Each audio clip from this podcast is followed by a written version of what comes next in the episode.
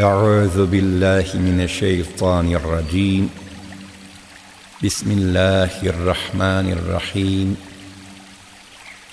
ربي يسر ولا تعسر ربي تمن بالخير آمين Дело го слушам шумот, пријателот не го гледам.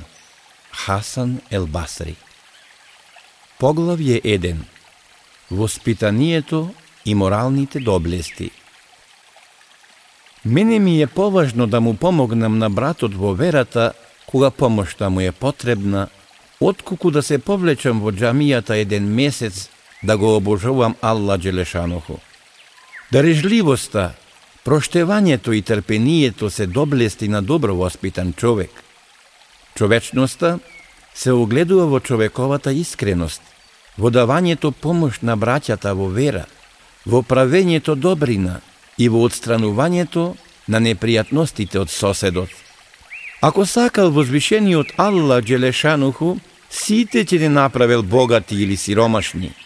Меѓутоа, тој сакал да не искуша, па едните ги направил богати, а другите ги оставил во сиромаштво.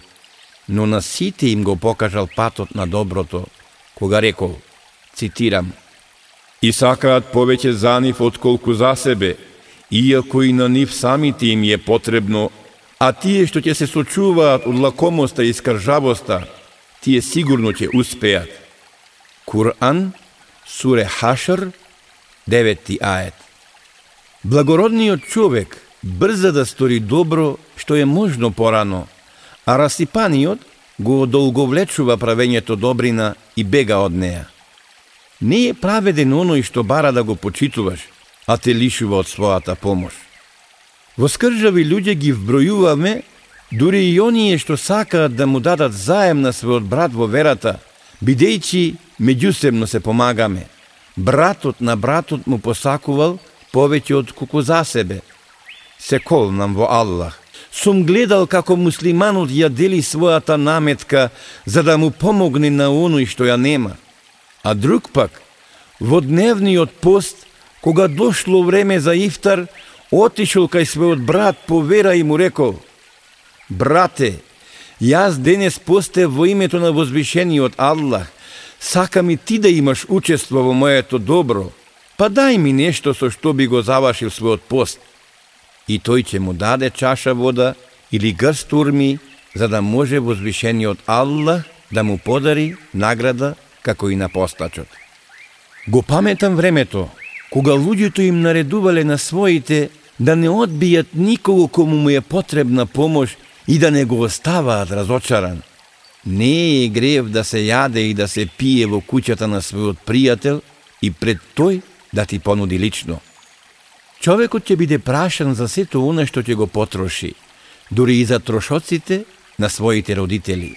Единствено нема да биде прашан за она што го потрошил за братот во верата и во другите покорности на возвишениот Аллах, бидејќи тој се срами да го праша за она што го потрошил за таа цел. Не е човечки човекот да заработува на друг човек, на својот брат. Варди се од доној што ти пренесува туѓ говор, бидејќи тој и на друг ќе му го пренесе твојот говор – Човеку, човеку, внимавај на своите дела и повторно внимавај на своите дела. Гледај во каква состојба ќе го сретнеш својот Создател и својот Господар. Добротворите се препознаваат според искреноста во говорот, според чувањето на довереното, според исполнувањето на обврските, според невообразеноста – според посетувањето на роднините, според сомилоста кон слабите, според правењето добрина, според убавото воспитување и однесување, според изобилството на благоста, според ширењето на знаењето и според редкото дружење и седење со жените. Варди се од забраните на возвишениот Аллах, ќе бидеш побожен. Биди задоволен – Со оне што ти го дал возвишениот Аллах, ќе бидеш богат.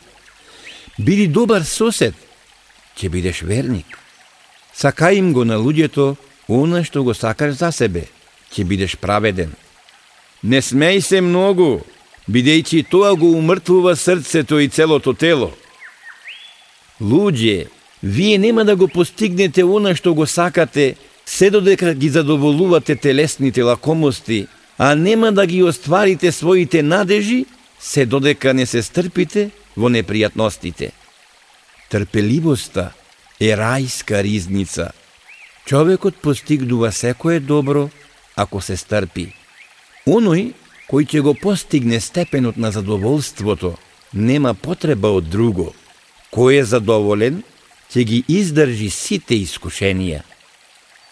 Во присуство на Хасан се скарале двајца и едниот од нив многу го навредил на другиот. Бришејќи ја потта од челото, овој ги цитирал зборовите на возвишениот Аллах. А кој ќе се стрпи и ќе прости, тоа на вистина спаѓа во вистинските постапки. Куран, суре Ешура, 43 аjet. На тоа Хасан рекол, Умен ли е, се колнам во Бога во времето кога незнајковците го уништија разумот. Луѓе, или ќе се накитете со трпеливост, или ќе пропаднете. Некој со омаловажување го пцуел Ебузер ради Аллаху анху, а тој одговорил. Меѓу мене и пеколот, джехенемот, постои пречка, и ако ја совладам, подобар сум отколку што велиш. А ако не можам да ја преидам и ако пропаднам во пеколот, тогаш на вистина сум полош отколку што си рекол.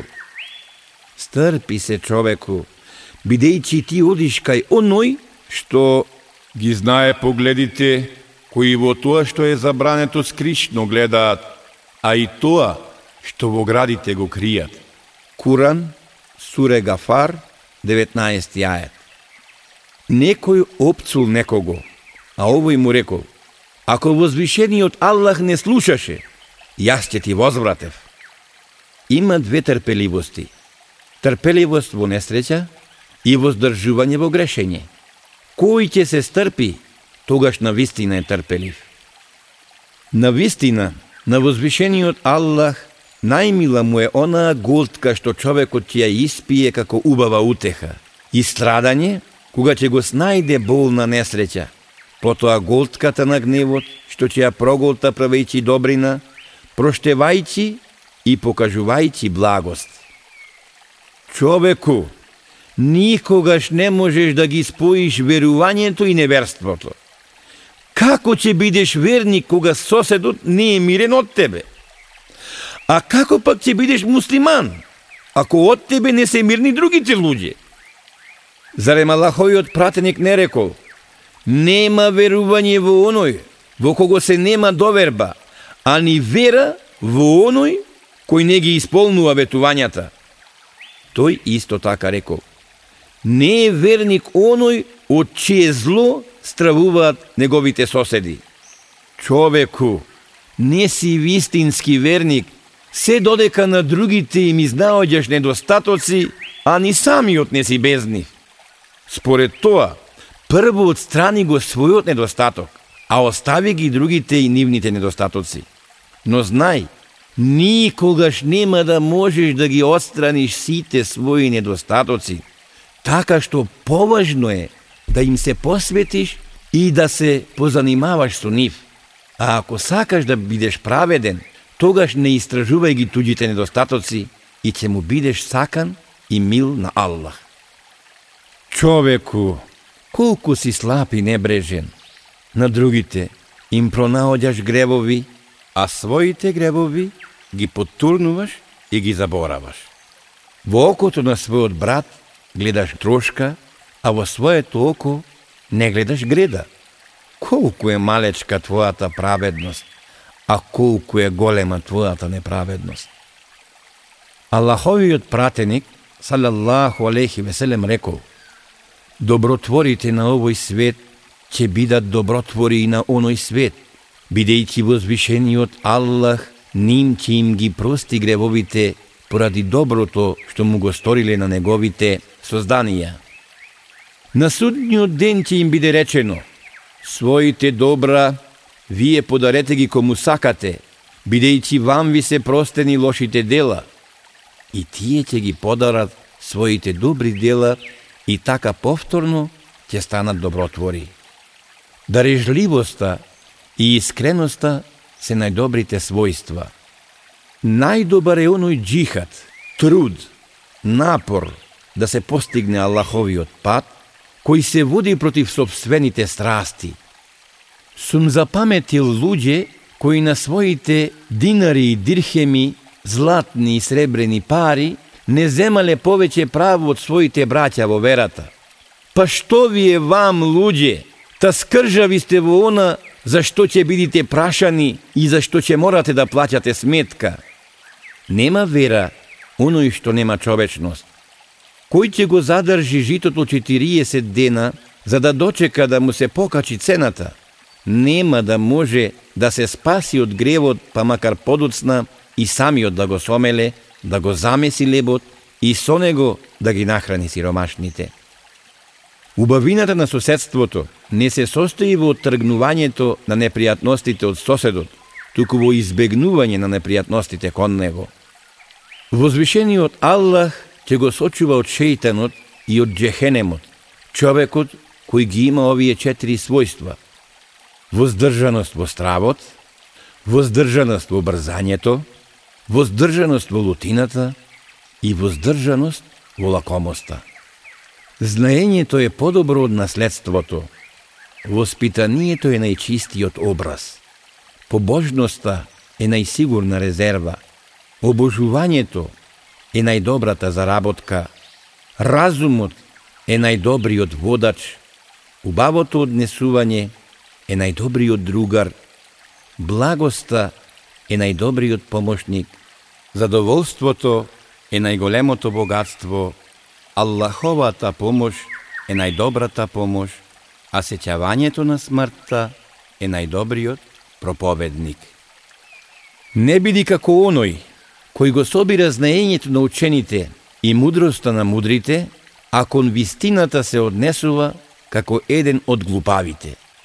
Возвишениот Аллах ќе го внесе во дженнетот и ќе го обсипе со милост човекот, кој е добар кон родителите – кој е сумилостен кон подчинетите, кој е внимателен кон сирачето и кој е заштитник на немочните. Аллаховиот пратеник, салаллаху алейхи веселем, рекол, постојат два вида на знаење. Знаење во срцето и она што е корисно, и знаење на јазикот, кој всушност е доказ на возвишениот Аллах против човекот. Зависта ја разурнува верата побрзо од ширењето на јадежот по телото. Разумниот и остроумниот верник го зголемуваат своето стравување од казната на возвишениот Аллах секогаш кога возвишениот Аллах ќе им го зголеми доброто. Верникот е најголемиот работник и тој се плаши само од возвишениот Аллах. Кога верникот на Аллаховиот пат би потрошил злато, колку што е ридот ухот, не би бил сигурен дека се спасил. Се додека не се увери во спасението, тој вели. На вистина, никогаш нема да се спасам. А лицемерот вели. Колку прости луѓе! Што се моите гревови во споредба со нивните? Аллах е милостив и многу простува, та и мене ќе ми прости. Човеку, човеку, зошто зборуваш така? Правиш лоши дела, залажувајќи се со пустите надежи за простувањето од возвишениот Аллах. Кој е лошо воспитан, самиот себе си се казнил. Оној чи имот е голем, има и големи гребови. Кој зборува многу, често греши. Да не постоеше знаењето, луѓето би биле исти како животните. Омер ибн Ел Хатаб радијаллаху анху рекол Прв поздрави со селам при средбата со братот во верата. Именувај го со неговото најмило име и направи му место на седенката и тоа ќе ти ја зголеми љубовта кон него. Вашите предци се пример во убавото воспитание. Земете ја поуката, Аллах да ви се смилува. Не бидите скржави и возвишениот Аллах да не биде скржав кон вас. Аллаховото проклетство паѓа врз скржавиот човек, како и врз оној што е скржав кон ситничавиот. Што е со нас? Се среќаваме и велиме, возвишениот Аллах нека не ги прости гревовите нам и вам и нека не внесе во рајот. Но штом ќе дојдат во прашање динарите и дирхемите, штом ќе дојдат во прашање парите, се се менува. Тешко вам. Вашите предци не биле такви луѓе. Зошто не ги земете нив за пример, како што ви е наредено? Луѓе, што е со нас? Кога сме во изобилие, блиски си сме едни со други и мили си сме – А штом сме ставени на искушение, се забораваме. Другарите на Лахојот пратеник Алейхи Селам не биле такви. Бог да чува, ние да постапуваме поинако од нив. Брате, внимавај што ќе зборуваш. Зарем не е кажано дека е најдобро јазикот да се држи врзан? Аллахојот пратеник рекол, а зар луѓето ќе бидат фрлени во пеколот поради нешто друго, освен поради грешниот говор? Кај умниот човек, јазикот е за срцето. И кога сака нешто да каже, тој најпрвен размислува. Ако е тоа корисно, тогаш кажува. Воспротивно, молчи. А кај незнајкото срцето е зад јазикот. Тој зборува кога ќе посака, воопшто не размислувајќи. Аллаховиот пратеник салаллаху алейхи веселем рекол Моите следбеници ќе влезат во рајот со милоста на возвишениот Аллах, со чистотата на срцето нивно и поради милоста која ја чувствувале кон сите муслимани, а нема да влезат во рајот само со молитвата и со постот. Речено е, кога ќе дојде судниот ден, гласникот ќе повика – Нека стане оној за кого возвишениот Аллах преземал обврска дека самиот ќе го награди. И тогаш ќе стане само оној што му дошол на помош на својот брат кога му била потребна помош, или оној кој на својот брат му ја простил сторената неправда, или оној кој на својот брат му подарил некоја од благодетите што му ги подарил возвишениот Аллах. Умниот човек не го откупува непријателството на еден човек со љубовта на илјада други луѓе. Кој ќе го стори тоа, ќе изгуби се и ќе остане без ништо. Големината на благородниот е неговото воспитание, а искрената побожност е неговото потекло. Кој ќе го обвини својот брат поради гревот за кој се покајал кај возвишениот Аллах, нема да умре, се додека со истиот греф не биде ставен на искушение. На прашањето на Реби Ибн Субах, дали 10 рекјати намаз, кои тој редовно ги извршувал по јацискиот фарс, се суннет или нафила, Хасан одговорил, не се сунет, бидејќи да беа суннет, муслиманот не би ги пропуштал но сине на мојот брат, во убавото однесување на муслиманот и во севкупноста на неговата вера спаѓа и ова. Кога ќе се привикне себе си на правење на некоја добрина, и тоа редовно, или ќе свикне на некоја форма на обожување на возвишениот Аллах, треба во тоа да биде истраен. Во Тората, Тевратот е запишано – Вистинското богатство се наоѓа во задоволството, спасението во самотијата, здравието во отфрлувањето на лакомоста, мирот во немањето желби, а вистинското оживање е во вечноста која се добива со трпението во овој кус живот.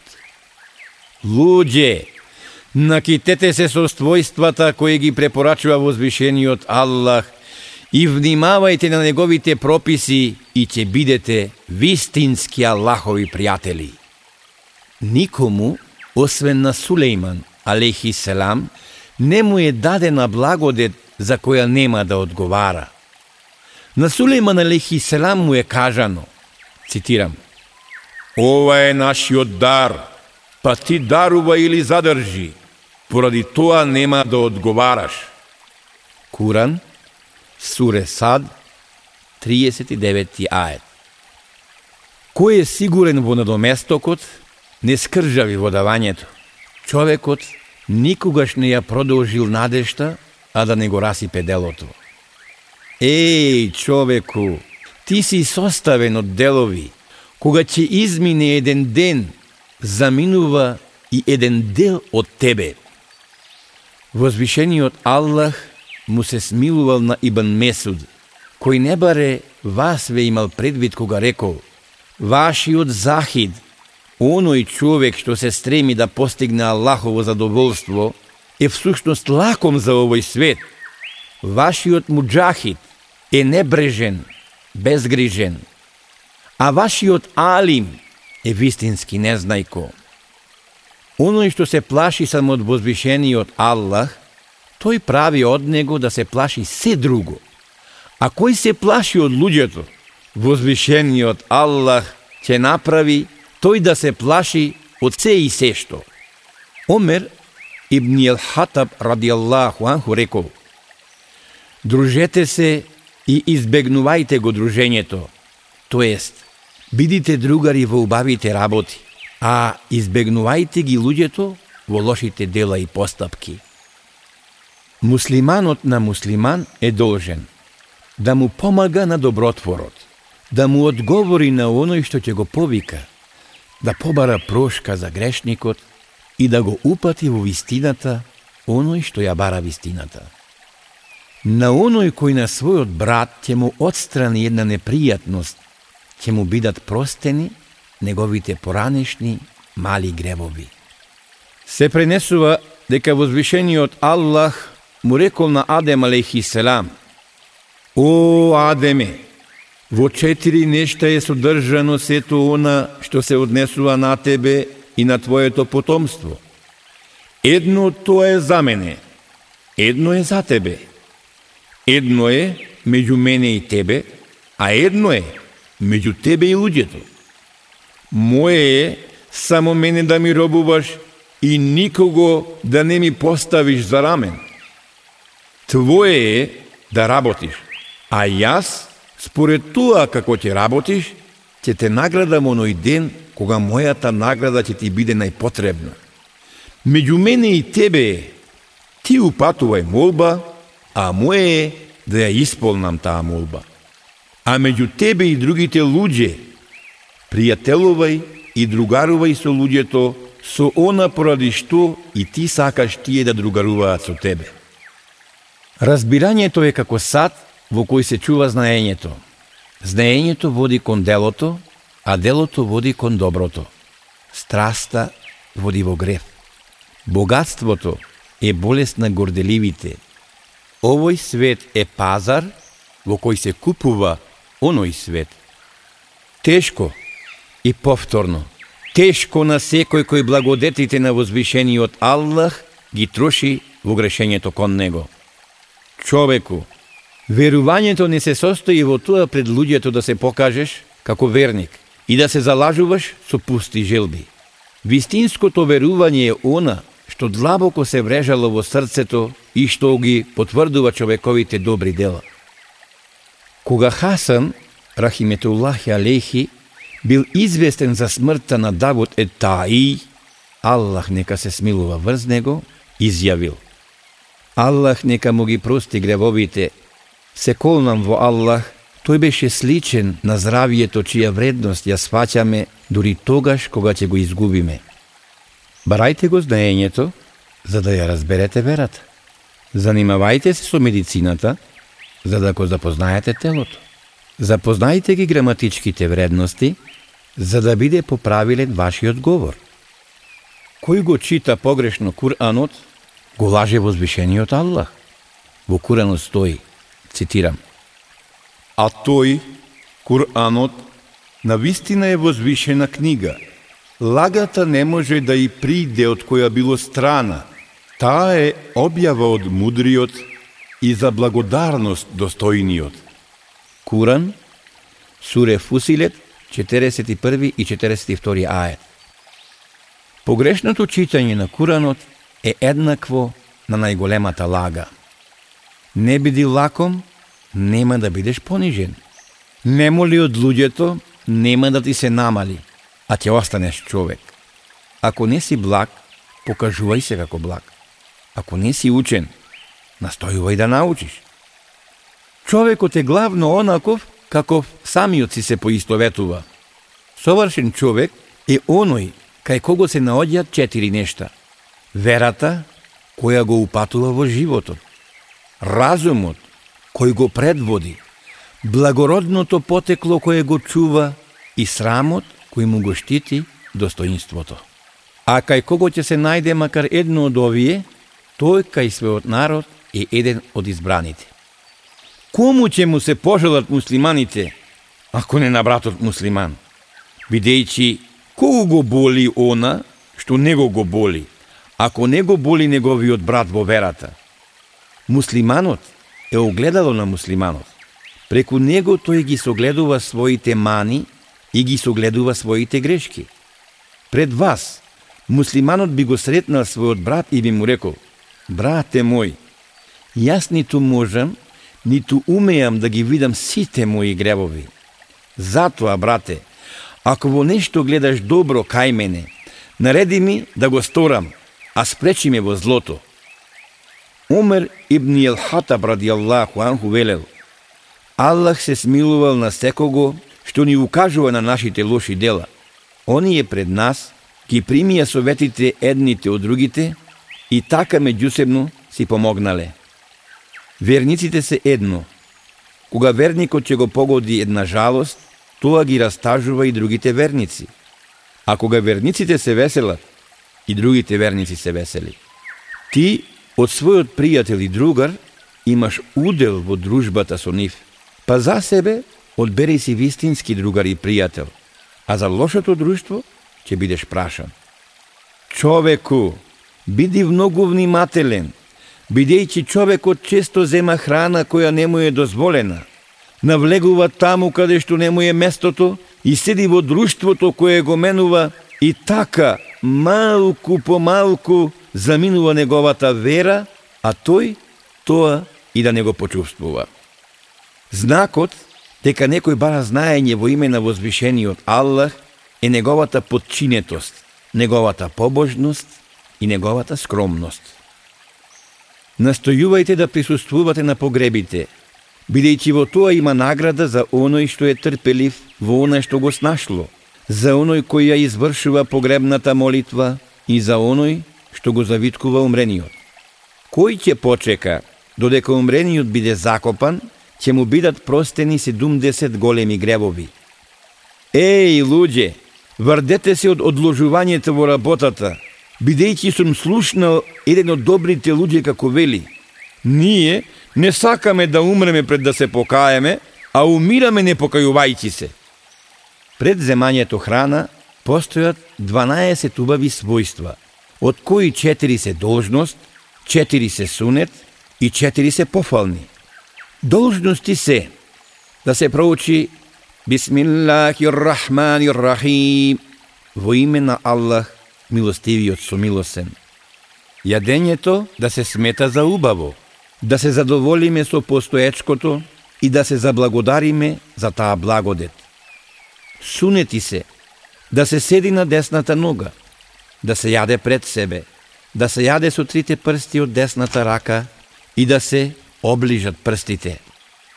А пофални својства се да се измијат рацете пред и после јадењето да се смали залакот, добро да се изџвака храната и да не се гледа во лицата на присутните за време на јадењето. Највредното нешто е заработката на шеријатски дозволен начин и братот во верата, кој ако се договориш за овосветските работи, ќе те увери во исправноста на неговото мислење. А ако со него се договориш за верските работи, ќе се увериш дека е вистински познавач на тоа. Човекот може да биде учен, а да не биде побожен. А може да биде побожен, а да не биде учен, односно разумен. Меѓутоа, Муслим ибн Јесар, ради Аллаху анху, бил и побожен, и учен, и умен. Чудесен бил Бекар ибн Абдуллах, ради Аллаху анху. Сум го слушнал еднаш како заповеда да се биде благ и како потикнува на прошка велејчи. Еј, луѓе, згаснете ја својата лутина сеќавајќи се на пеколниот джехенемски оган. Ебу Дерда ради Аллаху анху рекол, додека е во лутина, човекот е најблиску до Аллаховата лутина. Кој се закитил со разум, се спасил од пропаста. Убаво постапувај со луѓето, бидејќи задржувањето меѓу нив трае кратко време. Две работи никогаш не одат заедно. Задоволството и зависта. Две работи никогаш не се разделува Лакомоста и омразата. Човекот господари со разумот, со дарежливоста и со благоста. Не оди кон никого, освен кон оној на чие добро се надеваш, од чија власт не стравуваш, чиј благослов го очекуваш и со чие знаење ќе можеш да се закитиш.